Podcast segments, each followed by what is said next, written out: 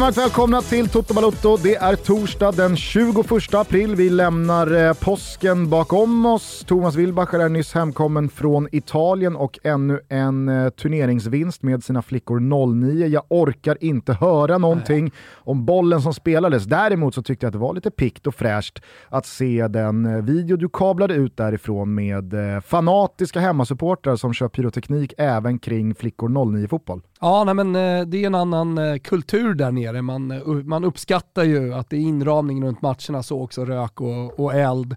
Men jag måste säga att det piggaste av allt, det var när vi spelade semifinal mot Cesena.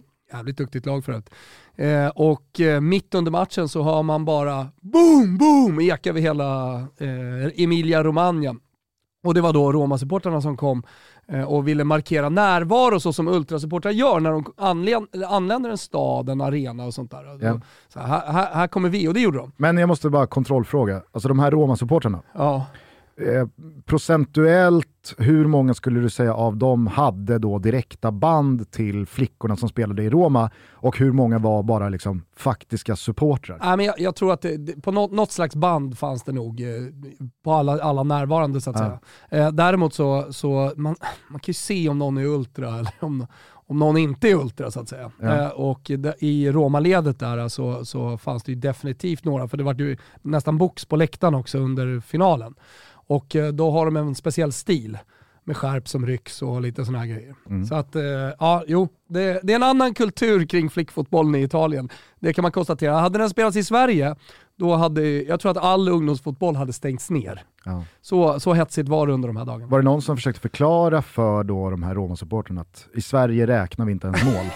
det hade varit svårt. alltså, jag, jag, jag hade velat se ansiktsuttrycket på en italienare när han försöker förstå. alltså, det här måste jag ha förstått fel. Ja. Min engelska är för risig. För det låter som att du säger att ni alltså räknar inte målen. Ja, det, var, det var roligt annars, under gruppspelet så gjorde vi ett par mål på frispark. Vi har, vi har en tjej i laget som skjuter väldigt hårt. Jag vill inte jag, jag höra vet, jag vill inte höra, om. men eh, alltså, det, det, är bara den kulturella skillnaden. Inför semifinalen då mot hemmalaget Cesena, för vi var utanför Cesena. Eh, eh, då hade de eh, bytt, ändrat regeln, så alla frisparkar som slogs var indirekta. Och eh, varje gång då vi fick en frispark, eh, och då, då sprang de innan vi hade ens typ passat den och fick ju aldrig slå om den. så eh, i, i finalen så gör en av våra spelare ett drömmål från 30 meter i bortre krysset. Nej, det, det, det, det är indirekt. Ah.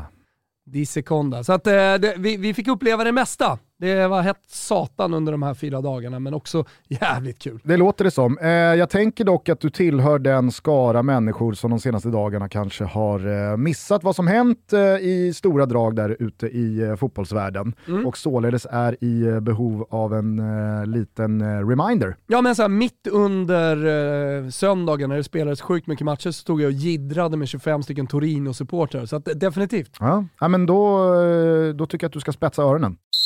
Ja, det kändes nästan som en kulturskymning när vi i måndags pratade Bulan Berglunds klubblängd och bladvändaren en av elva med Andreas Alm istället för att ge er vad måndagar de senaste sex åren kommit att bli för många av er där ute i stugorna. Nämligen svepet, ett destillat, ett koncentrat av de senaste dagarnas bollspelande runt om i Europa.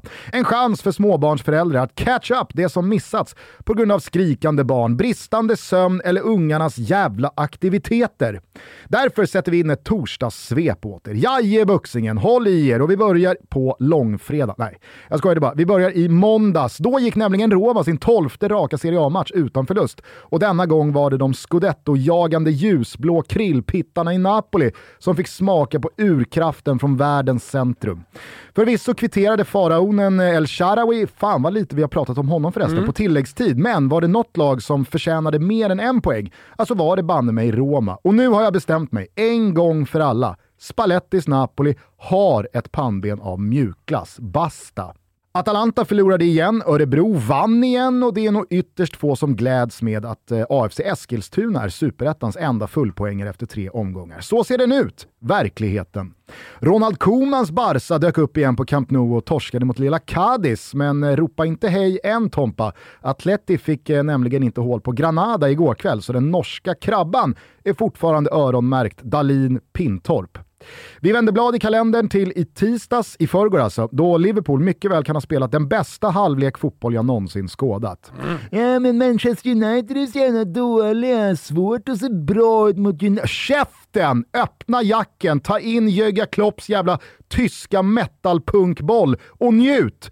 Det där har ingenting med motstånd att göra. Det där är en växel bara man själv kan bemästra. Siffrorna skrevs till eh, 4-0. Det hade kunnat vara några bollar till för Liverpool. Det var vackert när hemmasupporterna applåderade och deltog i Ronaldos sorg i den sjunde, sorry, åttonde minuten att de aldrig kan fatta det där britterna. Mm. Och Liverpool ser sannoliken ut att mena allvar med kvadrupelambitionerna. Igår så var den allsvenska bollen i rullning igen och det var ett par riktigt blytunga segrar som togs. AIK krånglade sig ur ångestmackan hemma mot Varberg inför derbyt på söndag med att lösa 1-0 tack vare att domare Ladebäck med en straffpresent sagt förlåt för kuppkvarten mot Malmö. Och Giffarna, de stolta, vindpinade och hårdnackade Giffarna fick till slut känna på den allsvenska segersötman igen efter att Ponta Engblom låtit storsläggan tala i slutet av matchen mot ett lite märkligt matchat Kalmar. Mjällby fick också med sig eh, lite domarhjälp, eh, men förlorar man med 3-0 så kanske inte Sirius ska skrika sig allt för hesa. Brännan är vad han heter, glödhet och gyllene. Nio poäng på listerlandet. Floen min krök i nål, Mjällby har gjort mål. Ja, det där var en liten spontanare från Gugge. Vidare. Delad pott på Gamla Ullevi mellan Blåvitt och Blåränderna efter att lagen haft varsin halvlek och gjort varsitt mål. Jag tyckte Diffen visade lite karaktär här faktiskt, men 1-1 var nog ganska rättvist sett till helheten. Samma resultat också i Norrköping där Peking till slut fick spräcka poängnollan men utöver ett vackert tifo tillägnat Kristoffer Cassini så är väl ungefär det vad man kan ta med sig därifrån. Senare under gårdagskvällen missade Karim Benzema två straffar när eh, Real Madrid borta slog Osasuna. Manchester City tog tillbaka serieledningen i Premier League genom tre bekväma noll mot Brighton. Arsenals ungtuppar briljerade i hönsgården på Stamford Bridge och segern med 4-2 var både tung och rättvis. Och Salernitana, de tog andra raka segern. Den här gången borta mot Udinese på tilläggstid och med tanke på att man ska möta samma Udinese en gång till hemma på Areki. Empoli, Cagliari och Venezia innan allt är över så ser jag nu att det här fan i mig kan gå. Det hade varit La Salvezia Piumalatta och något vi hade talat om i generationer. Okej, kanske inte generationer, men i alla fall i några minuter i något Toto-avsnitt i maj. Ja men verkligen, alltså Great Escape är det ju talar om och, och, spelschemat hade jag faktiskt inte koll på. Jag hör vad du säger Gusten. Eh, stark seger borta mot Sampdoria, stark seger borta mot Udinese. Och en sen match så Arek, spelad. Ja, och det som kommer hända nu i Salerno, det är ju att hela staden kommer sluta upp. Så den där jävla Reki-stadion kommer ju koka kommande matcher. Ja. ja det undrar man ju eh. Frank Ribéry. Ja, tänk om han skjuter Salernitana kvar. Ja, men det är, alltså så här, allting brukar ju många gånger falla på plats. Ja. Och man har ju kliat sig i pallet ett par gånger eh, kring just Frank Ribéry. Varför mm. väljer han att avsluta den där enorma karriären i ett deppigt jävla Salernitana mm. som bara får spö på spö på spö på spö. Eh, men skulle det nu sluta med att just Frank Ribéry skjuter kvar Salernitana mot alla odds i Serie A, ja då, då fattar man ju varför han eh, valde att krita på och eh, avsluta karriären där. Då, blir han, ju, då blir han ju odödlig även i Salerno menar jag. Minns du Crotones eh, Great Escape? Ja. Den var ju otrolig. Ja. Eh, det, det, det, de var ju i ett men, ännu men inte, sämre läge. Men inte alls lika sexy. Nej men de var i ett ännu sämre läge skulle jag vilja säga än, än faktiskt eh, vad Salernitana är just nu rent poängmässigt hur det såg ut. Och eh, kommer du ihåg vem som var coach då? Davide Nicola. Ah, just det. Och vem är nu coach för Salernitana? Jag kommer gissa på Davide Nicola. Det stämmer. Mm. Så det är ju Mr Great Escape som också står där nere vid sidlinjen. Han är, är ju... Italiens Sam Allardyce. Alltså jag skulle säga att Sam Allardyce är Italiens Davide Nicola om jag får Ah, vända på saker och ting. lite. Eh, för det han gjorde där var otroligt. Sen har ju han upplevt eh, eh, smärtsamma år. Hans eh, son gick bort i en eh, trafikolycka. Och eh, man har ju såklart mått väldigt dåligt sådär. Men eh, studsat tillbaka här och kommit in för att rädda Salernitana. Så eh, om man nu såg det via spelschemat de två senaste matcherna, att eh, Salernitana har någonting på gång. Vi pratar om Arekistad. Addera då kryddan att det är just Nikola som tränar. Mm. mm.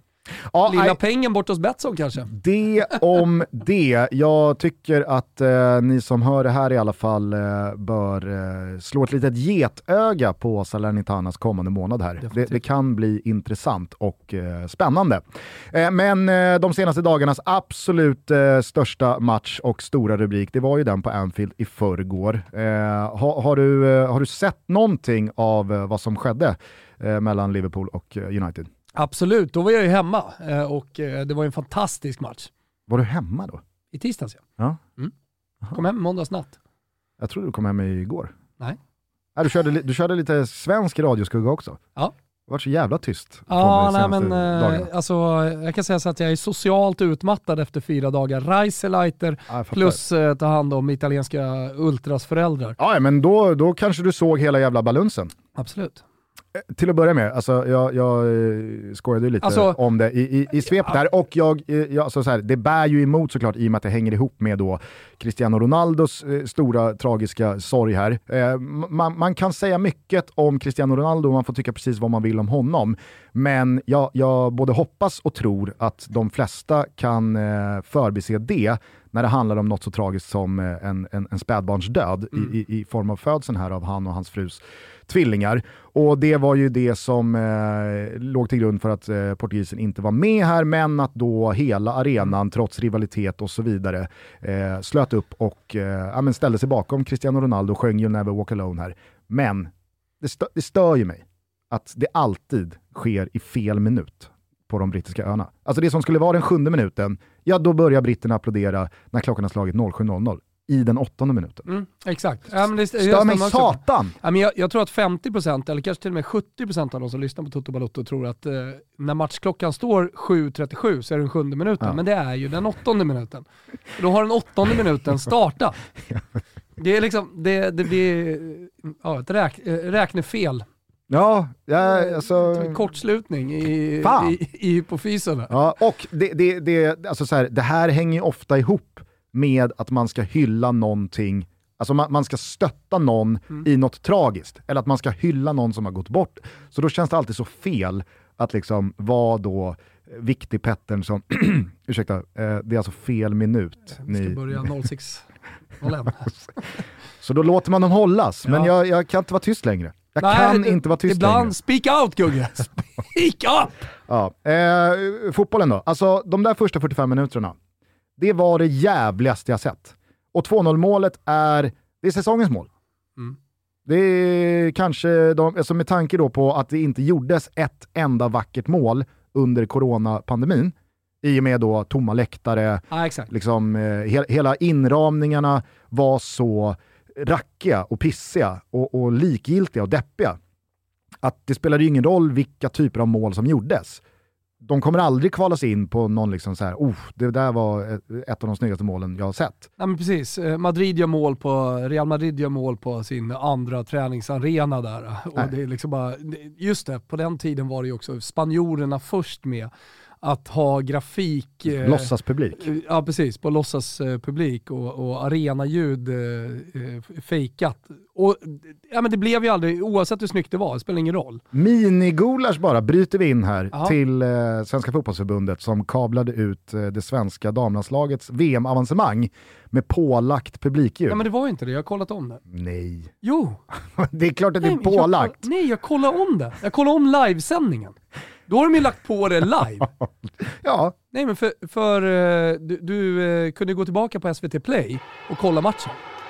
Och det är det ljudet. Det är sorlande ljudet, det är Alltså det här, ljudet. jag säger inte att det är pålagt för att jag tror att det är orimligt att det svenska damlandslaget har ett sånt liksom, eh, en, en sån ljudkuliss runt sina matcher. Mm. Det, det, det är inte det, utan det är ju ljudet i sig som låter fake. Det, det, det är där det skaver. Jag, jag, jag säger bara, jag, när du skrev det när jag såg det och det var flera som uppmärksammade, då kände jag oj, det var ju trist. Så var det någonting som skavde i mig, alltså jag kan inte kritisera här om jag inte går tillbaka som den grävande journalist jag är, så måste jag göra jobbet här. Det är du Olof Lund. För alla andra. Det är jag, Olof Lund, möjligen Buchner. Men eh, sen är det stopp. Ja. Martin Petersson, ska han ha en shoutout här eller? Ja, det är ju en grävande jävel. Sa ju shoutout nu också, så slipper jag få massa meddelanden om att det inte heter shootout.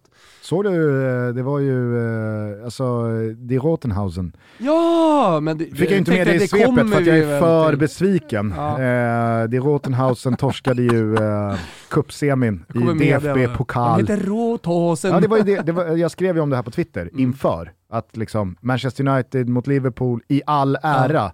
Den stora, stora matchen eh, den här kvällen är ju såklart Die Rotenhausen mot Freiburg i cupsemin.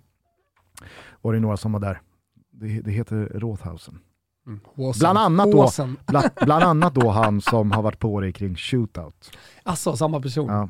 Otroligt. Eh, de torskade ju, därför så fick inte det ta plats i svepet. För att det gör för ont. Parallellt med kupputtåget här så är ju Werder Bremen på väg tillbaka upp i Bundesliga också. Så allt är ju bara Det- piss och skit. Men då markerar K26 eh, med att skriva fuck Bremen på hela väggen. Så är det. Så ser det ut. Eh, vart var vi någonstans? Eh, vi var på damernas eventuella burkljud pålagda, som alltså då verkar vara Ja, äkta inte, och exakt, de, autentiskt. de kan ju inte lägga på i livesändningen, det går ju inte. Det var väl precis det vi sa att Ryan Reynolds here from Mint Mobile. With the price of just about everything going up during inflation, we thought we'd bring our prices down. So to help us, we brought in a reverse auctioneer, which is apparently a thing. Mint Mobile unlimited premium wireless. Ready to get 30, 30, bit to get 30, bit to get 20, 20, 20, bit to get 20, 20, bit to get 15, 15, 15, 15 just 15 bucks a month. So, Give it a try at mintmobile.com slash switch. $45 upfront for three months plus taxes and fees. Promo rate for new customers for limited time. Unlimited more than 40 gigabytes per month. Slows. Full terms at mintmobile.com. champagnerna gjorde under coronapandemin, så att det går ju. Ja, då är SVT i någon slags maskopi tillsammans med Svenska fotbollsförbundet som har lagt på. Alltså jag känner mig förd bakom ljuset här.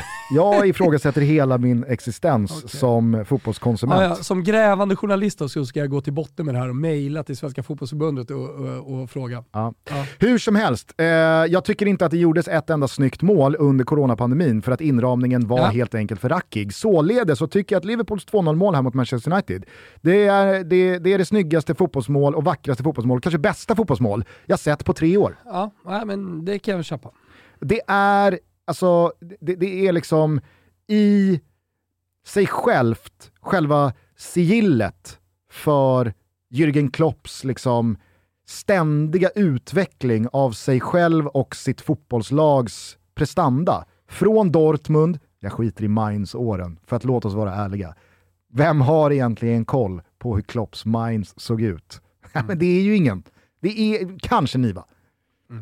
Kanske inte ens Niva. Nej, men, eh, eh alltså sigillet, körsbäret på tårtan när det gäller Jürgen Klopp är inte, liksom, ja det är såklart ständig utveckling men så svårt att ta på. Det blir så diffust. Liksom. Ja, men det, de, de lyckas hela tiden att eh, skapa en renässans och eh, de, de föds på nytt och det, blir, det, det ser lite annorlunda Han, han skruvar på saker och det är ett väloljat maskineri i alla fall. Men jag tycker liksom körsbäret på klopptårtan som coach, det är ju att han alltid är bäst när det gäller. Och, och det tycker jag han utvecklar för varje år. Alltså det har varit emot eh, Pep Guardiola de senaste tio åren.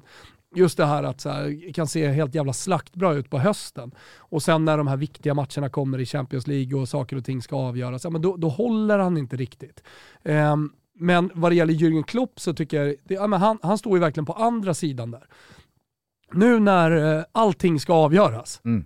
då jävlar är Liverpool bättre än vad man har sett dem på hela säsongen. Och det tycker jag någonstans eh, kännetecknar honom nästan mer då än det där. Ja, ja Och absolut. det är lättare att ta på. Sådär. Å andra sidan så skulle jag kunna då nyansera det med att jag tycker att Liverpool är bättre än någonsin under Jürgen Klopp. Ja. Och det är ju då i det större perspektivet hans ständiga utveckling och tweakande av sin egen fotboll. Så att det som har gått från Dortmund till Liverpool till att bygga om hela det laget, satt pusselbit efter pusselbit efter pusselbit och i takt med det, när han då har fått in rätt spelare på rätt position, efter varje fönster så har han nu verktyg i lådan för att spela en fotboll som jag inte har sett dem spela förut och som jag heller inte har sett något annat lag ha spelat Nej. förut. Och, och, så skrev jag det på Twitter att det, det, den kan mycket väl vara här nu, den, den perfekta fotbollen. Och jag har, alltså vi pratade väl om det förra veckan, att man glömmer snabbt. Man är, eh, man är eh, dålig på att i stunden eh, inte då liksom respektera vad som hänt tidigare, utan man ska ryckas med och så ska man prata om Manchester City och Liverpool som den största rivaliteten mellan de två bästa lagen någonsin och så vidare. Alltså det är väl klart att det finns jättemånga upplagor som har spelat en otrolig fotboll. Jupp Heynckes eh, Bayern München och Pep Guardiolas Barcelona och ja, Sakis Mi. Ja, men, liksom, det finns många lag där ute som... Hela vägen tillbaka till Grande Torino. Ska vi prata Österrike på 30-tal? Nej, det behöver vi inte göra. Uruguay. Ja, nej, det ska Vad heter de? Uruguay. Mm. Mm. Bara kolla. Ja. Eh, det ska vi inte göra, men i det här fallet så tycker jag, alltså så här, jag, jag, jag, jag, kan, jag kan i alla fall ransaka mig själv och svara genuint och ärligt på frågan med eftertanke att har jag sett en mer vägvinnande, bättre fotboll på 45 minuter? Och svara nej. Alltså, och, och, och, och, och i Klart, bättre, det, alltså, i bättre så, så, lägger jag mina egna subjektiva preferenser i vad är kul att kolla på. För att jag kan, inte, jag kan inte tänka mig ett mer underhållande sätt att se på ett lag spela fotboll ja. än de första 45 minuterna Jag vet att Daniel Ole, Olenklint, på tal om K26, han, han skulle ju definitivt komma in och prata om eh, Pep Guardiolas Barcelona, mm. när de var som bäst. Ja, och, och, och, argumentera för att det var det roligaste han tyckte. Mm. Men alltså, bäst är ju inte samma, liksom, det, det, det ligger ju väldigt många bottnar i ordet bäst. Ja, Barcelona vann allt och de spelade ut eh, ja, allt som kom i deras väg. Titlar, du räknar unikitet som ett värde när du ska bedöma liksom helheten. Eh, fotbollsspelare som eh, spelar fotboll som man aldrig har sett tidigare. Gammel Ronaldo, Messi, Ronaldinho, Pelé, Maradona och så vidare. Storheten som kommer in och förändrar nästan lite fotbollen. Här kan, ju även, här kan man ju även prata om lag och tränare som kommer in och förändrar fotbollen och där finns ju Pep i tiki-taka, ja. Saki, så vidare. Du nämnde eh, flera. Precis. Cruyff och så. Så, så, med, med, liksom så här, med, med det sagt och med den största respekten för då till exempel Pep Guardiolas Barcelona, som, Wenger i Arsenal. Som, som hands down var helt jävla utomjordiskt bra, så föredrar ju jag... Henrik som, Rydström i Allsvenskan. så föredrar ju jag personligen att titta på den fotboll Liverpool spelade i tisdags framför att se Barcelona parkera med tio spelare på motståndarnas planhalva och trötta ut dem med 950 passningar och med trianglar och kombinationer zigzacka sig in i straffområdena och passa in tap-ins från en och en halv meter. Är det du som har skrivit boken Contro il tiki-taka? Nej, nej, absolut nej, inte. inte. Vägvinnande, fantastiskt på väldigt många sätt och vis, men för mig personligen så föredrar jag Klopps jävla eh, punkmetal här. Nej.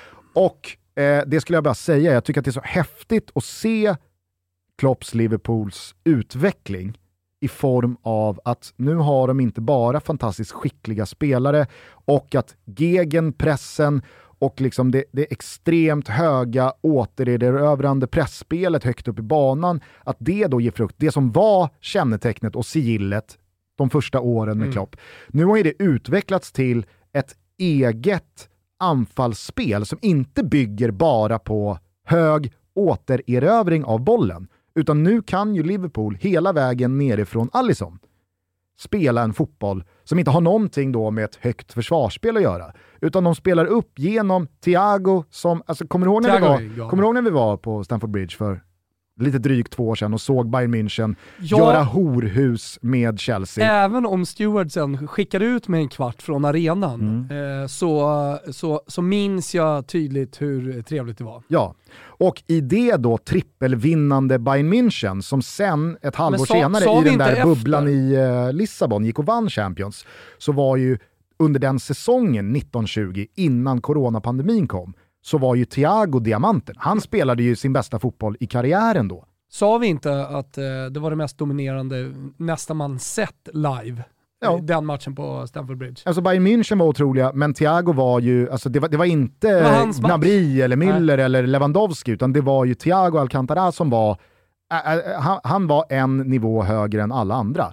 Den Thiago har vi inte sett i Liverpool fram tills för någon månad, två månader sedan. Nu har ju han med fysik, anpassning och självförtroende hittat tillbaka till den där nivån. Så att nu, är, alltså nu, nu får han ju ganska många spelare i Liverpool att blekna kom bredvid fan inte och honom. snacka Toto Ballon här med mig nu, för då, då blir jag nästan förbannad. Nej, nej. Nej. alltså, även om jag ens ville. Ja. Jag har ingen aning. Han kanske dyker upp där nästa vecka Ja, när. Toto-ballon eh, april då ska avgöras. Eh, nej men eh, Thiago står ju för en insats här individuellt eh, jämte Liverpools laginsats som är otrolig. Jag tycker man har fått sån jävla snurr också på eh, fronttrion där när man har flyttat in Sadio Mané och man inte behöver spela med antingen honom eller Luis Diaz. Utan nu kan man spela med båda och jag tycker att eh, Fabinho ja, men han, han gör ett sånt jävla jobb centralt som gör att Thiago kan briljera med sin passningsfot och han ges tid och han ges bollarna och han ges kvadratmetrarna. Ja, men det, det, det, det, det är så bra och det är så fartfyllt och det är så jävla... Alltså, men detaljen då jag skulle komma till Ja.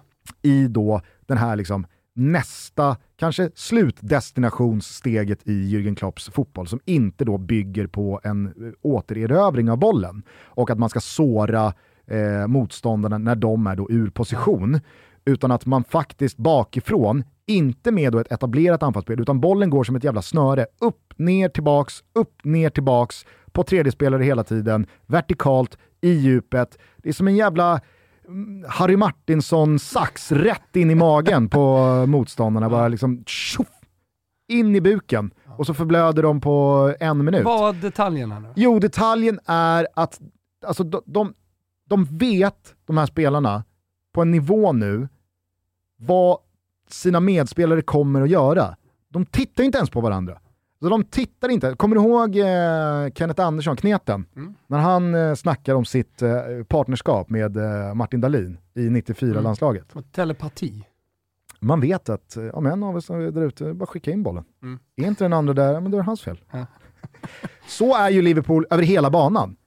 Alla spelare vet Ja, precis, i alla spelsekvenser. Ja, alla, spelare faser och vet åt vilket håll bollen kommer röra sig, vilka ytor som kommer öppna sig, vilka ytor man själv då måste löpa in i. Och man kan inte löpa när bollen är slagen. Man måste löpa innan bollen är slagen. Såklart. För att passningsspelaren vet att jag kommer slå den här bollen som om att den här löpningen tas. Jag förutsätter att löpningen tas, så jag slår den här bollen. Och det är det, alltså så här, the perk av det blir ju det här 2-0 målet. Alltså där det slås blinda passningar på ett tillslag i Till maxfart Sile, ja, det- okej, säg blinda då. Mm. som, alltså det, det ser ju jättelöjligt ut när sådana passningar slås i en tom yta. Och så tittar två, tre spelare på varandra. Jaha, du tänkte så? Ah, okej, och så sträcker man upp handen. Ah, ah, ah, ah. Och så kanske man inte slår den passningen. De här gör, de gör ju det hela tiden. Och de, det går inte alltid hem, men det, det är helt omöjligt att försvara sig mot. Sen kan man prata om att eh, ja, Ralf Rangnick stoppade in eh, Phil Jones där eh, mellan Lindelöf och Harry Maguire och att det spretar i den där backlinjen och att eh, Paul Pogba kliver av efter tio minuter och att United utan Ronaldo och, och Pogba alltså, i det här läget är ett alldeles för dåligt eh, lite motstånd. för- koner. Ja, men, alltså, så här, ja, absolut, Manchester United är inte det bästa laget i världen. Men alla vi som såg Liverpool mot Manchester City i fa cup semifinalen så sent som i söndags, eller lördags var det va? Ja, lördags. Alltså vi, de gör det ju mot City också. Ja, men ja, de sa, då spelade ju inte Kevin... Ja, men vad fan, alltså, det är så här, man kan ju inte hålla på heller att liksom brasklappa hela tiden. Det här är ju en lagmässig förmåga och växel Jürgen Klopp har utvecklat i detta Liverpool som är helt jävla otrolig. Smular ni av? Vi är sponsrade av Boka Direkt, det enda stället som samlar nästan alla Sveriges salonger och mottagningar i en och samma app, men även online om man hellre går in där. Visste ni att nästan 30% av alla män klipper sig på drop-in? Ja, men det tycker jag och Boka Direkt att vi måste få ett slut på. Ja, men vi har kommit långt nu, va? det är 2022 vi behöver inte ta drop-in-tider utan eh, jag tycker att vi alla borde lära oss ett nytt beteende. Och när jag säger vi alla så menar jag alla män som lyssnar. Man bokar en tid hos frisören, barberaren eller massören och så slutar vi med drop-in. Ja, men då tänker ni, är det här krångligt eller? Nej, det är det inte. Hitta, boka och betala istället med några klick i Boka Direkts app. Ni sitter där på söndagen och eh, blickar framåt mot den kommande veckan, kanske kommande två veckorna. Och sen så går ni in, kollar er i spegeln och ska borsta tänderna och så känner ni, fan det är lite skäggigt och jävligt, ska jag ta fram trimmen? Håret kanske inte är perfekt, kanske ska jag fixa med en snygg fade. Ja men då är det bara att ta upp telefonen, ladda ner appen eller gå in på bokadirekt.se och boka en tid. Kommande vecka eller kommande två veckor. Ah, Gör det nu, ändra på era beteenden. Vi vill även passa på att säga grattis till vår vinnare som vann Boka Direkts tävling om matchbiljetter och boende. Degen Hammarby spelas ju. Och samtidigt så fick du ju också ett presentkort på Boka Direkt värde 2500 kronor. Stort grattis och stort tack till Boka Direkt för att ni hade den här tävlingen tillsammans med oss. Hoppas att vi kan göra fler framöver. Hörni, nu går ni in och laddar ner Boka Direkts app eller in på bokadirekt.se. Klipp till er, snygga till er, ta en massage vet jag. Ciao! Toto Balotto är sponsrad av MQ och jäkla vad fint det känns. MQs ambition är ju att hjälpa dig att bygga en långsiktig garderob som känns rätt för just dig. Och jag var borta hos MQ i Fältöversten här i Stockholm förra veckan för att eh, leva som man lär va. Jag vill också ha en långsiktig stilsäker garderob. Jag tror att det är många som lyssnar på det här som eh, förstår vad jag menar. Och därför är det ju extra bra att MQ utöver alla fina varumärken och faktiska plagg även erbjuder personal shopper, skrädderihjälp och dessutom ger en möjlighet att handla second hand. Visst. Nu är våren här, färgerna är lugna och sköna, varma pasteller i gult, orange, olivgrönt. och det ska ju då matchas med ljusa neutrala blå toner. Är ni med? Mm, det antar jag att ni är. Och bland nyckelplaggen i vårens kollektion finns linnekostymen och självklart min personliga favorit, alla garderobers MVP, linneskjortan. Vi har naturligtvis även skakat fram en rabattkod till alla er. Jajamensan, den finns borta hos MQ. Den lyder TOTOMQ20.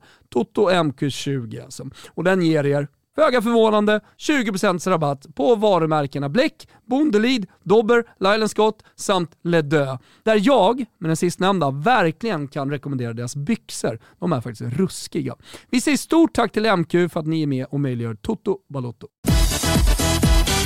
Jag tänkte ta mig tillbaka till Italien och bara liksom nämna de här två Coppa-semifinalerna eh, som har spelats. Men jag känner samtidigt så här Nej, men det, det, tycker jag väl eh, vi ska göra, för att ja. jag utelämnade ju både tyska cupsemifinaler ja. och italienska cupsemifinaler. Vad var det för jävla verksamhet du håller på med? ja, allsvenskan är med och det, det viktiga utifrån Europa är inte med. Nej men, eh, jag vet inte. Bernadeschi gör mål på Fiorentina, Goldenlex, jag vet inte om det finns så jävla mycket att säga om det. Men... När det inte är Vlahovic i det här läget Nej. så är det ju inte Nej, så men mycket det, det, Jag tänkte säga någonting om eh, Simone Inzaghi i alla fall. Eh, och han, han vinner över Milan på det tydliga sättet han gör. Alltså ibland ibland är det ju sådär att man vill ha så få matcher som möjligt, speciellt i Italien, för att man ska ha så mycket kraft som möjligt för att göra det så bra i ligan som möjligt. Och nu är ju både Milan och Inter i ett race om eh, eh titeln. Men det är ju bara en match kvar i Coppa Italia, den kommer inte störa. Nej, Utan nej. tvärtom. Eh, då blir det snarare ett mentalt övertag efter den här matchen. Även om det inte är derby kvar i ligan, så finns det ändå någonting i den totala överkörningen, i alla fall inledningsvis, eh, från Inters sida som jag tror sätter sig lite hos Milan. Nu tappade man det i februari förra året. Alltså undra om inte liksom kraften är slut här nu i slutet av april. Nu när de sista fem omgångarna ska avgöras. Mm. Ja, Absolut, och, och alltså på det så gör ju Milan inga mål. Det är en sak att alltså- förlora matcher, men nu är Hej, jag Ryan Reynolds. Recently, I asked Mint Mobiles legal team if big wireless companies are allowed to raise prices due to inflation. They said yes. And then when I asked if raising prices technically violates those onerous two-year contracts, they said, what the f*** are you talking about, you insane Hollywood ass?" So to recap, we're cutting the price of Mint Unlimited from $30 a month to just $15 a month. Give it a try at mintmobile.com slash switch. $45 up front for three months plus taxes and fees. Promoting for new customers for limited time. Unlimited more than 40 gigabytes per month. Slows. Full terms at mintmobile.com. väl Milan uppe i tre raka nollor här. Alltså man eh, Nej, men... gör inga mål mot Inter, även fast man gör det där målet som blir bortdömt. Och det kan man väl diskutera i, i all evighet huruvida Handanovic eh, påverkas eller blir skymd av det där. Men med VAR så får man utgå från att man får det där rätt.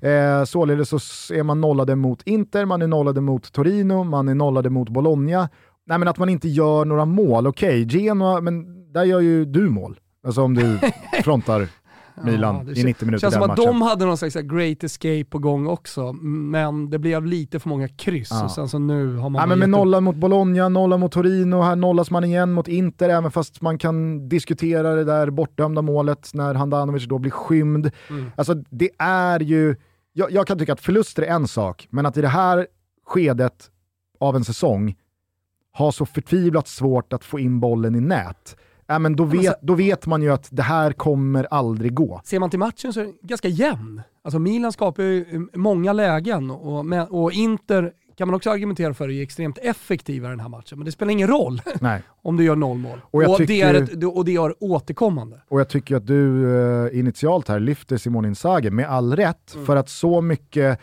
kritik och skit han fick utstå under den där månaden när man eh, tappade en jävla massa poäng i ligatoppen. Man åkte ur Champions League och det var ju inte såklart liksom någonting att hänga Inzaghi för att man åker mot Liverpool. Mm. Man gör ju faktiskt en väldigt eh, jämn och bra match av det över 180 minuter. Men det adderade ju någonting till eh, den, den, jobbiga perioden man upplevde. Du och jag ifrågasatte ju inför Sassuolo hemma där huruvida Simone Inzagis Inter är big eller inte. Mm. Att resa sig när man är på väg att köra av banan ner i diket, att borta slå Juventus i ett Derby d'Italia när det då väldigt mycket är fyra lag som är med i racet om ligatiteln.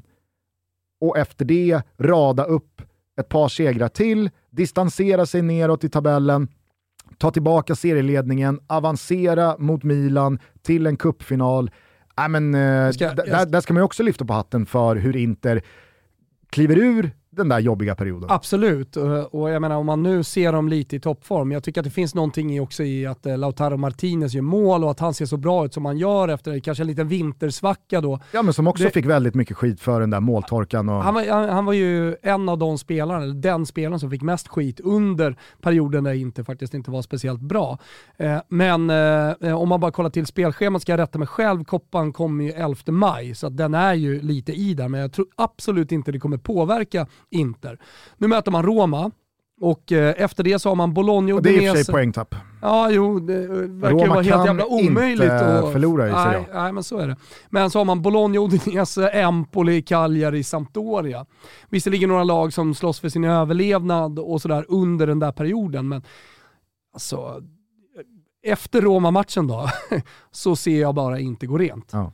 Ja, jag med. Jag med. Så, uh, som jag sagt från början va, det är inte Scudetto. Ja, men framförallt så ser man ju inte Milan gå rent. Det är det som är problemet. För de, de gör för få mål och eh, Napoli har en för svajig och svag karaktär här att inte sy ihop det. Ja, Juventus här, är för långt ifrån. De har lite lurigare matcher också. De har Lazio, sen har man Fiorentina som jagar eh, Europa, man har Verona som vet fan vad Verona håller på med, vinner över Atalanta i måndags och ser jävligt fina ut. Eh, och eh, Sassuolo sista matchen. Sassuolo har, visst är det Milan som har så ruskigt svårt för eh, Sassuolo? Ja, Inter. Är det Inter som har ruskigt svårt? För hela grejen var ju att Giorgio Squinzi, som numera är död, med him rest in peace, han som köpte Sassuolo, gjorde Sassuolo till det här stora laget, de här kakelkungen.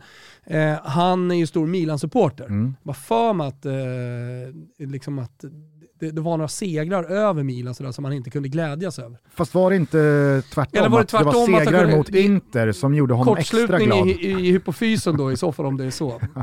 Att det var 6-1 hemma och Icardi bråkade med supportarna och så hade han med det i sin bok. Var det så? Det ringer någon klocka. Ringer någon klocka, det, det ringer någon klocka. 22 bast kom den ut, självbiografin. Precis. Nej, men, eh, jag, jag eh, känner som du en, en, eh, en imponerande känsla kring Simon Inzaghi, Lautaro Martinez och Inter som har fått ordning på den där svajiga eh, starten på, på våren här och slutspurten. Men jag måste bara säga det, även fast jag är jävig, eh, jag tycker att Roma och Mourinho ska lyftas här. för den fotbollen man har spelat den senaste tiden och vad man har åstadkommit Eh, i också hur man har liksom fått ordning på den här säsongen och på den här satsningen och på tron på framtiden. Sen kan man säga hur mycket man vill om att ja, men, Conference League är Conference League. Det, det, det är vad det är och Bode Glimt är liksom... Bo ja, visst. Men nu spelar ju Roma i den turneringen. Och det finns en hel del andra lag som har spelat i den där turneringen, försökt vinna matcher, försökt gå vidare. Man kan ju liksom inte i Conference League tycka att men det här är en så jävla dassig turnering så att vi vill hellre spela Champions League och så får man spela Champions League. Nu är ju Roma där de är och man kan inte göra så mycket mer än att vinna matcherna och avancera. Att på det rada upp segrar och en förlustfri svit i Serie A, att närma sig topplagen, att börja få lite utdelning, att faktiskt slå stora lag, att eh, som i det här fallet ta poäng med mersmak borta mot Napoli i det läget som de befinner sig i. Det vittnar ju också om att man har lämnat Fonseca-säsongerna bakom sig, där man inte kunde eh, hota topp 3, topp 4, topp 5-lagen överhuvudtaget, utan det var förluster på förluster på förluster i det läget. Man har en derbyseger på det. Men, eh, jag, jag tycker också att det kanske viktigaste av allt, att man har med sig supportrarna, att man fyller Olympico gång efter annan under den här tiden och att det, liksom, det, det går att skönja en tydlig utveckling på både spelare men också spel. Äh, det, det, det, det är häftigt och skönt och härligt mm. att Mourinho får den här upprättelsen. Sen fattar jag att det finns tusentals Manchester United-supportrar, Tottenham-supportrar, Real Madrid-supportrar och Chelsea-supportrar där ute som aldrig kommer ge José Mourinho en andra chans. Ge honom eh, liksom en, en, en, eh, typ av upprättelse, för de har bestämt sig efter dödgrävaråren i Premier League. Och folk får väl tycka vad de vill. Men att se Mourinho i sitt rätta element, som är Serie A, som är Italien, i en klubb som ja, men, eh, står bakom honom. Mm. Det och som är, har visat tålamod även när det har gått eh, trögt. Ja, det är verkligen... Det känner ju han också. Det är verkligen fint, för att den fotboll Roma spelar nu, det är inte så som det ja, såg det ut roligt. på Tottenham Hotspur Stadium eller på Old Trafford, utan alltså, det är grundspelet som Roma visar upp mot riktigt bra lag i toppen av Serie A. Riktigt, riktigt bra. Alltså. Men eh, om eh, José Mourinho hade lyssnat på det här så hade han ju blivit glad eftersom han har suttit eh, nu i ja, två månader och pratat just om att eh, det är väldigt lite snack om den typen av fotboll som eh, mitt lag spelar. Ja. Eftersom det nu i många, i många säsonger varit ständig evig kritik mot just hans fotboll, att han är daterad och att hans eh, karriär som fotbollstränare är över och han kan inte förnya sig och så vidare och så vidare det, det, är ju, det är ju verkligen en, okej okay, det kanske inte är Klopps eh, springa in i ytor och slå blinda passningar fotboll.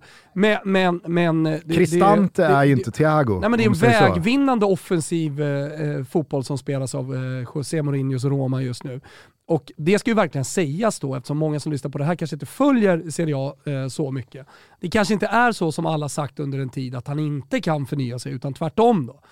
Eh, så kul att se och sen att han har fått ordning liksom på en spelare som eh, eh, Tammy Abraham och, och gjort honom till, ja men, kanske inte en av Europas bästa anfallare, men en, en spelare i alla fall som är plus 20 mål i en toppliga och på väg dit, för han är fortfarande ung och kan fortfarande utvecklas ännu mer. Ja, och, jag ty- och sen så finns det en energi i Tammy Abraham som jag tycker är så jävla härlig att se, att han söker det där målet lite som, han, blivit, han har fått Pippo Inzagis mentalitet lite grann, så han lever och dör för de jävla målen. Ja. Och de ska bara in, han gör enkla mål igen, svåra mål igen, mål med fötter och, och huvud och allting. Jag tror att jag inte är fel ute när jag säger att Tammy Abrahams siffror hittills, och då återstår det ju ganska många matcher eh, av säsongen, eller ganska många, Ja, en del i alla fall.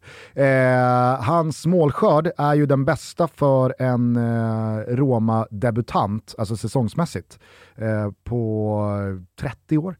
Alltså vi, vi ska tillbaka till 90-talet någon gång för att någon ska kunna matcha det här. Mm. Eh, så det säger ju en del om... Hur eh, svårt det är att komma in till en ny liga. Eh, och så, ja, hur många så bra många... anfallare i Roma som inte gjort Nej, men i Serie A. Många, ja, men lika många mål. Även om rekordet är just för Serie A, hur, hur många nykomlingar både i England, Spanien och i Italien eh, som har haft problem i början, tar tid innan man börjar hitta in i, i, i ja, men, eh, dels nya lagets spel, men för all del även ligan. Carlos Tevez är ju en sån här go-to-gubbe liksom, som, som klagade just, eller klagade, men, men, men som pratade just om hur svårt det var. Underströk. Eh, det var det han gjorde. Ja, men jag tycker också att eh, Mourinho inte bara ska lyftas eh, kring eh, Tammy Abraham utan också att han har fått fram eh, unga eh, oslipade diamanter och eh, gjort eh, seniorspelare av dem i Zalewski och eh, Afenagian. Eh, han har eh, inte bara liksom fått ordning på Tammy Abraham som kanske lämnade England eh, lite kantstött. Eh, Tammy Abraham är ju fortfarande ung och har många år framför sig. Men spelare som Mkhitaryan, som eh, Chris Smalling, alltså där, det, det är ju spelare som ja, men lite på retur har fått en ny vår i karriären under Mourinho efter att kanske ha varit lite på nedgång. Eh, Så även, även där är han bra på att lyfta eh, individuella. hur han handplockar Sergio Oliveira från Porto, hur han har liksom fått snurr på Karstorp. Ja men och Lorenzo utvecklat Lorenzo, Pellegrini, exakt, alltså det- till, det- till en riktig, riktig toppspelare. Nej, det... det, det Smulan har vi igen här. Det är fan, smul, Helvete. det är fan smulan Ja, av kring ja. Mourinho också. Vi är upprymda, vi är stolta över att Toto Balotto är sponsrade av Portia. Klassiga, stiliga herraccessoarer sedan 1924. Känn lite på det årtalet. Känn lite på stil, klass. Känn lite på Portia. Ni som gillar att dressa upp er lite, ni ska ha riktigt bra grejer. Och då är det Portia som gäller. Vad är det för någonting då? Accessoarer, det kan vara ganska brett eh, begrepp. Jo, det började med slipsar. Men idag är det ett brett utvecklat utbud av strumpor, bälten, badbyxor, hängslen. Eh, Portia kombinerar en retro touch med en lekfullhet i färger, mönster och material. För mig är det kanske det absolut viktigaste. Produkterna är anpassade till dagens trender såklart, men ändå alltid förankrade i den nästan hundraåriga Portia-historien. Så ni hör ju, Portia är ett unikt varumärke i sammanhanget och man får leta länge om man tänkt hitta något liknande inom herraccessoarer på marknaden. Gå in på www.portia1924 www.portia1924.com och kolla själva. För nu stundar det en vår av vad jag tänker socialt samkväm, fester, högtidsstunder. Så klicka hem en slips eller två, eller varför inte ett snyggt bälte eller ett par spetsiga hängslen. Använd då koden, det här är viktigt, använd koden TOTOBALOTTO20, TOTOBALOTTO20 alltså, så får man 20% rabatt på sitt köp. Detta samarbete är exklusivt med oss, så lägg koden på minnet om ni inte bara går in rätt på portia1924.com nu. Vi säger stort tack Portia för att ni är med och möjliggör Toto Balotto. Eftersom det har varit många resdagar och full fart på fotbollsfronten, man måste ha koll på skador och så vidare, så kommer vi analysera Toto-trippen eh, lite senare än vi normalt sett gör. Vi är sponsrade av Betsson, det känner ni till. Toto-trippel inför varje helg. Den kommer komma ut på våra sociala medier kanske när ni eh, lyssnar på det här avsnittet, eh, eller på fredagen eh, när vi har gått igenom alla situationer i alla lag och känner oss jäkligt starka på tre stycken spel som formerar vår trippel. Tänk på att ni som vill rygga att man måste vara 18 år. Stödlinjen.se finns om man har problem. Stort tack till Betsson som alltid är med och stöttar Toto Balotto. Hörru, nog med italiensk eh, spaggeboll här, utan låt oss eh, ta oss till allsvenskan. Kan vi göra det? Ja, Det är så eh, jävla härligt när det har kommit igång och man, man ser hur polemiken liksom bara ökar. vad, vad tycker du om eh, Såg någon domare? Ladebäcks eh, straff Ja, men vi till kan komma AIK? till det. Jag ska bara säga att jag såg en tröjbränning från Kurva Nordahl, heter det så eller? Ja. Eh, där ultrasgrupper har bråkat med varandra och då har den ena ultrasgruppen bränt en tröja från den andra. Sånt där. Så det är så här, internbox i det ena laget, i det andra. Så vi, vi är igång alltså, helvete. Tre omgångar och vi är redan på liksom internfighter. Fyra omgångar till och med. Snart färdigspelade. Ja, exakt. Men vi är, på den, vi är inne på den fjärde omgången. Så. Ja. Eh, nej men, eh, för er som eh, inte riktigt hänger med så var det ju en eh, otrolig batalj mellan Malmö FF och AIK i Svenska Cupen kvartsfinalen för eh, en dryg månad sedan, kan det väl ha varit. Eh, där då domare Ladebäck valde att eh, inte ge AIK en straff i förlängningen. Eh, men eh, däremot dela ut en straff till Malmö FF några minuter senare i samma förlängning efter en ganska så tveksam handsituation. Eh, och eh, det här blev ju givetvis matchavgörande. Malmö FF avancerade och eh, AIK var väldigt upprörda efteråt. Igår så möttes de igen, AIK och domare Ladebäck. Och eh, en halvtimme in i matchen mot Varberg så fick AIK en väldigt soft penalty, får vi säga, av eh, domare Ladebäck. Som i och för sig kanske hade stått med VAR. Mm. För att, Eftersom eh, det är touch. Det är kontakt. Ja men det är ju så VAR jobbar liksom. Ja, men det var ju också, tycker Så jag... Totti, en- hur många sådana straffar har han fått i sin karriär? Det var ju en hundraprocentig kompensationsstraff en månad senare. Men samtidigt som jag säger, hur många sådana straffar har inte delats ut internationellt, även pri-VAR? Jag säger, alltså, bear in mind, jag, inte, jag säger inte emot här. Nej. Jag säger inte att det är för jävligt. Nej. Jag konstaterar bara att det var så. Ta det lugnt i den där ryggen istället. Vad fan, han är på väg ut från straffområdet. Varför skulle du ens vara där och toucha? Det är ju dåligt försvarsspel. Jag tyckte det var kul att lyssna till Jesper Hoffman i vår uh, WhatsApp-grupp under matchen, där Mm. han bara konstaterat Ladebäck är patetisk här. Allt går AIKs väg. Han ger allt till Gnaget. Okej, det var inte bara den där straffen. Nej, jag såg bara det fladdra runt på Twitter. Liksom. Patetisk är så inte kul. Det är så jävla hårt ord. Han är, Ja, pat- han är patetisk. Framförallt också när det kommer från Hoffman. vad är värdigheten? Framförallt när det kommer från Hoffman också. Men, eh, men jag såg att det fladdrade runt där förbundets lag och, och hyresgästerna och så vidare var tillbaka. Så, Mm. så absolut. Ja, nej, men, och den segern behövde ju verkligen AIK, för att hade man eh, Jag tycker det har tappat varit poäng... för lite polemik i Allsvenskan de tre första omgångarna. Det har, det har varit för lite jidder. Alltså det, be, det behövs något mer. Det behövs eh, något rejält sådär. Ja, kanske. Ja. Men eh, du, du kanske inte ska gapa efter allt för mycket i och med då att det stundar ett Stockholmsderby på, på söndag eh, mellan AIK och eh, Djurgården. Eh, som hade varit jävligt tillspetsat ifall Blåvitt hade sytt ihop säcken och gjort 2-0 igår och då AIK tappat är poäng mot ändå. Varberg. Mm. Jo men nu är det ju ändå lite, alltså så här, jag tror att Djurgården gjorde en bra andra halvlek, kom tillbaka, kvitterade, AIK vann sin match. Jag att tror ingen liksom kommer lite- ropa på Bartosz Grell... Bartosz Gielaks...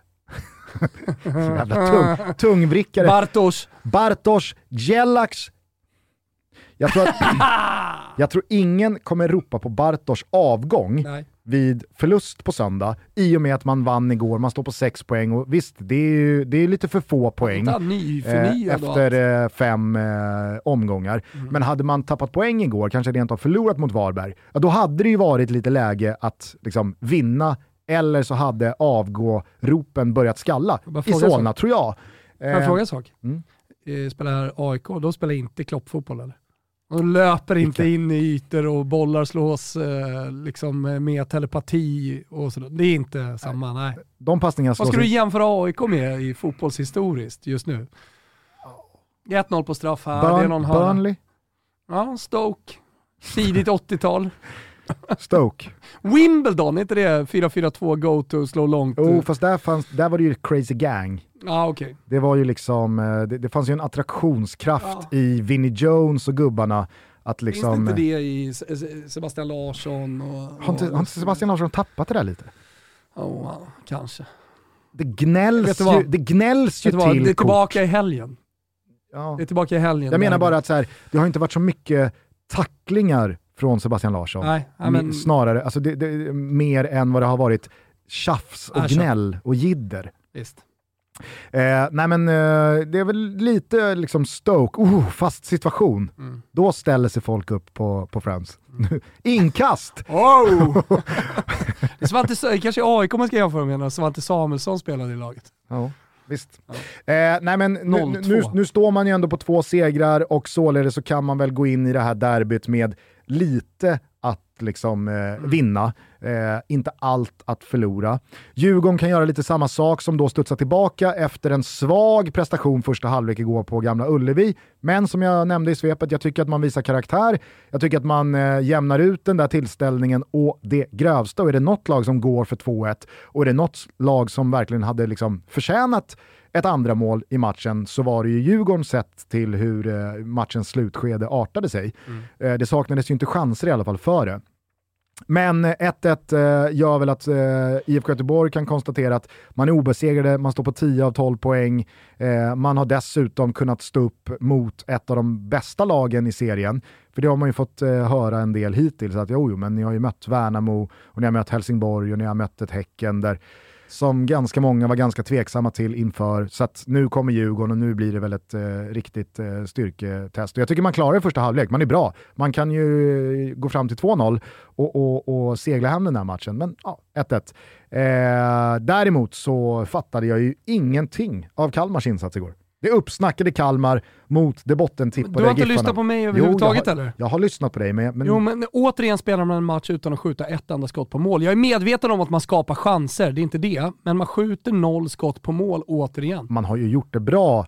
Alltså, stora Jag delar vet, men av de det- tre första omgångarna. Så att, Ja, ja, man har gjort det jättebra, men jag säger bara att det finns även den här sidan av lag som lyckas läsa Kalmar. Mm. Och sen så har ju du åsikter, misstänker jag också om matchningen som du kan mer om än vad jag kan. nej, men jag tyckte, av jag spelare ja, och, och dispositionen av laget så att säga och truppen. ja.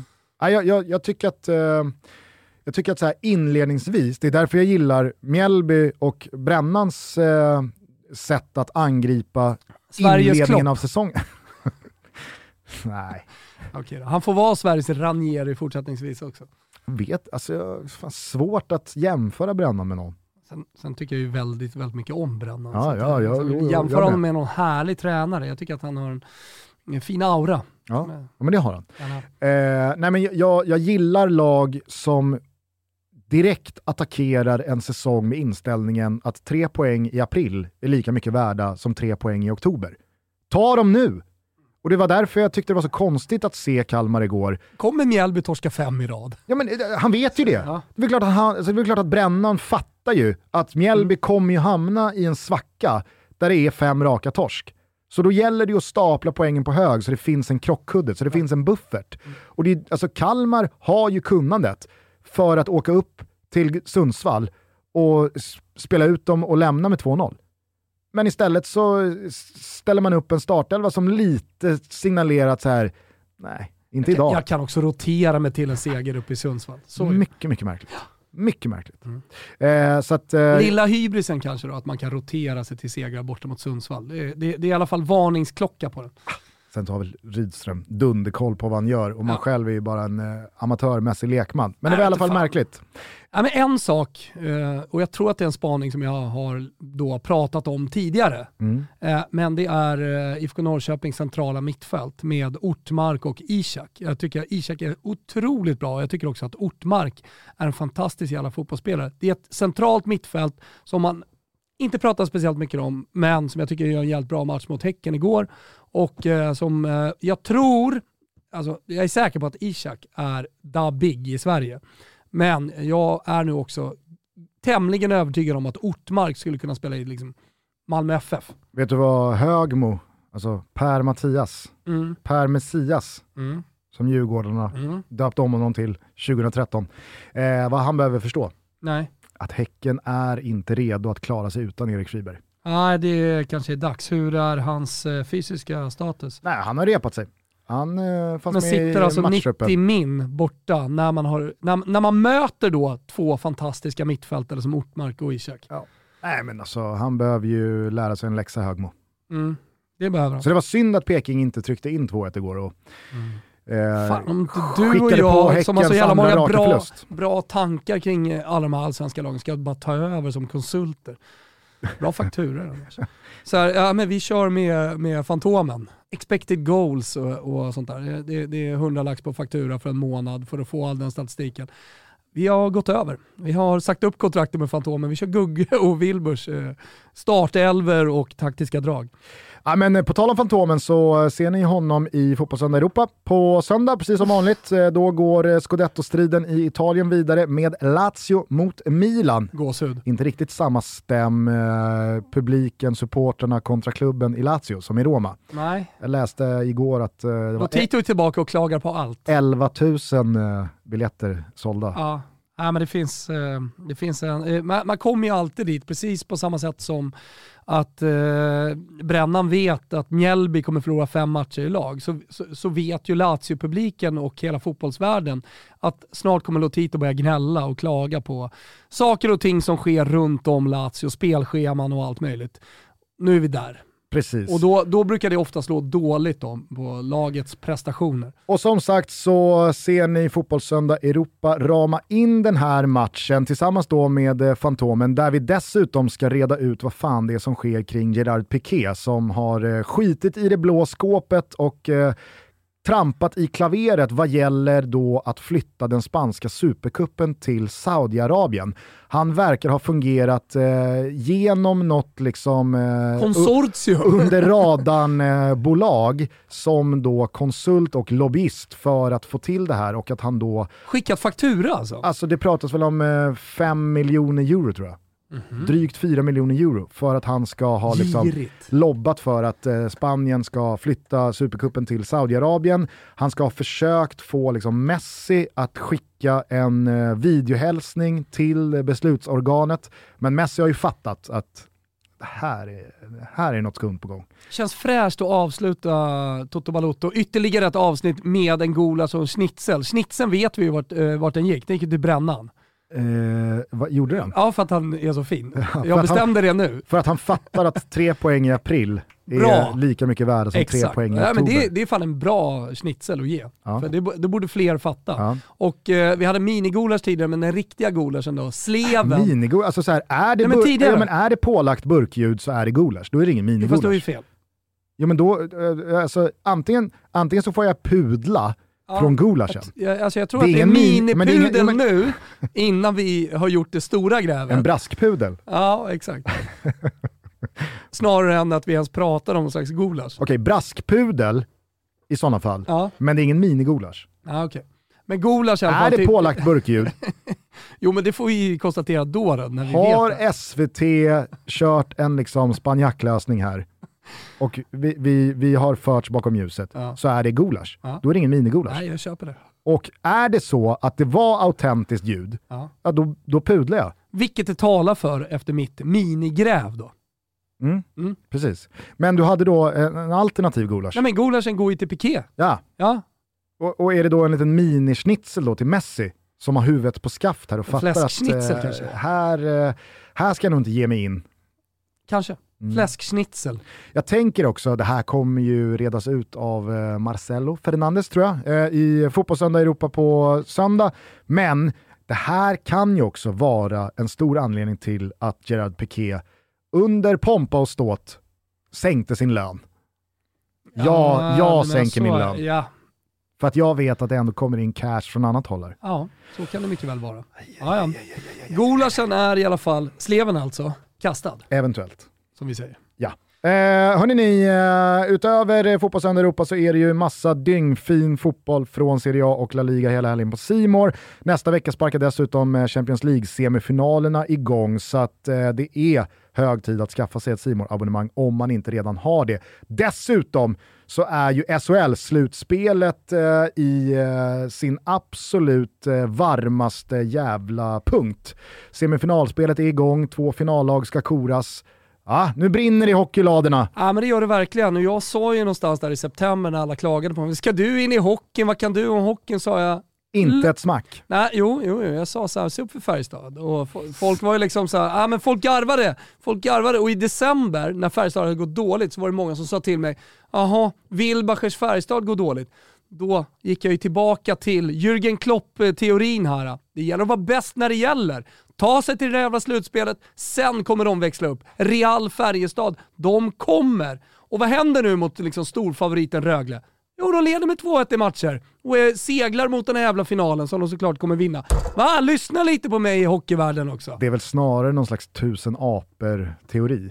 Det är Sätt tusen apor vid tusen skrivmaskiner i tusen år så skriver någon till slut Det är det ju definitivt inte, utan jag, jag har fattat Färjestad hela vägen. Från i höstas fram till den här matchen. Jag tänker att du kör lite samma grej som med Blåvitt du ångar på med Blåvitt ja, topp tre i fem år. Fel om till, länge. till slut så nu, kommer de topp tre och då ska, du, då ska du räkna hem fem det års jag göra. Det kommer, felanalys. Ja det kommer jag göra, men då kommer hela Toto Balutto vara med på det, förutom några på Twitter, när jag räknar hem det.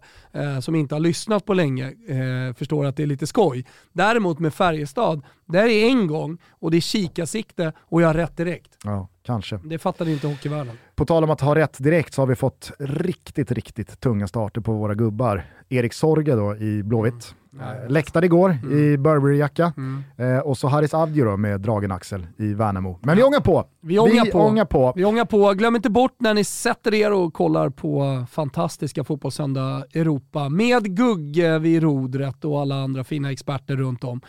Att knäppa upp den där vårpepsin. Lägg upp lite is i glaset, kanske en liten limebit just eh, nu på söndag och njut av vårpepsin. Det är bara lite tips sådär.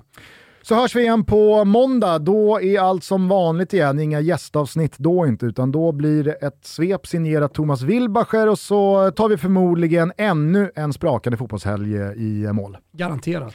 Härligt! Ta hand om varandra till dess. Trevlig helg och eh, ciao tutti! Glöm inte bort att stöka nu också. Ciao Tutti. But I was led astray the day you walked away.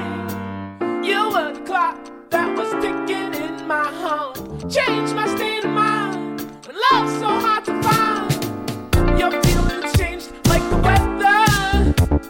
Went from clear to gray, all that time of day. How can I go on with the cup falling apart? Love's so hard to find when someone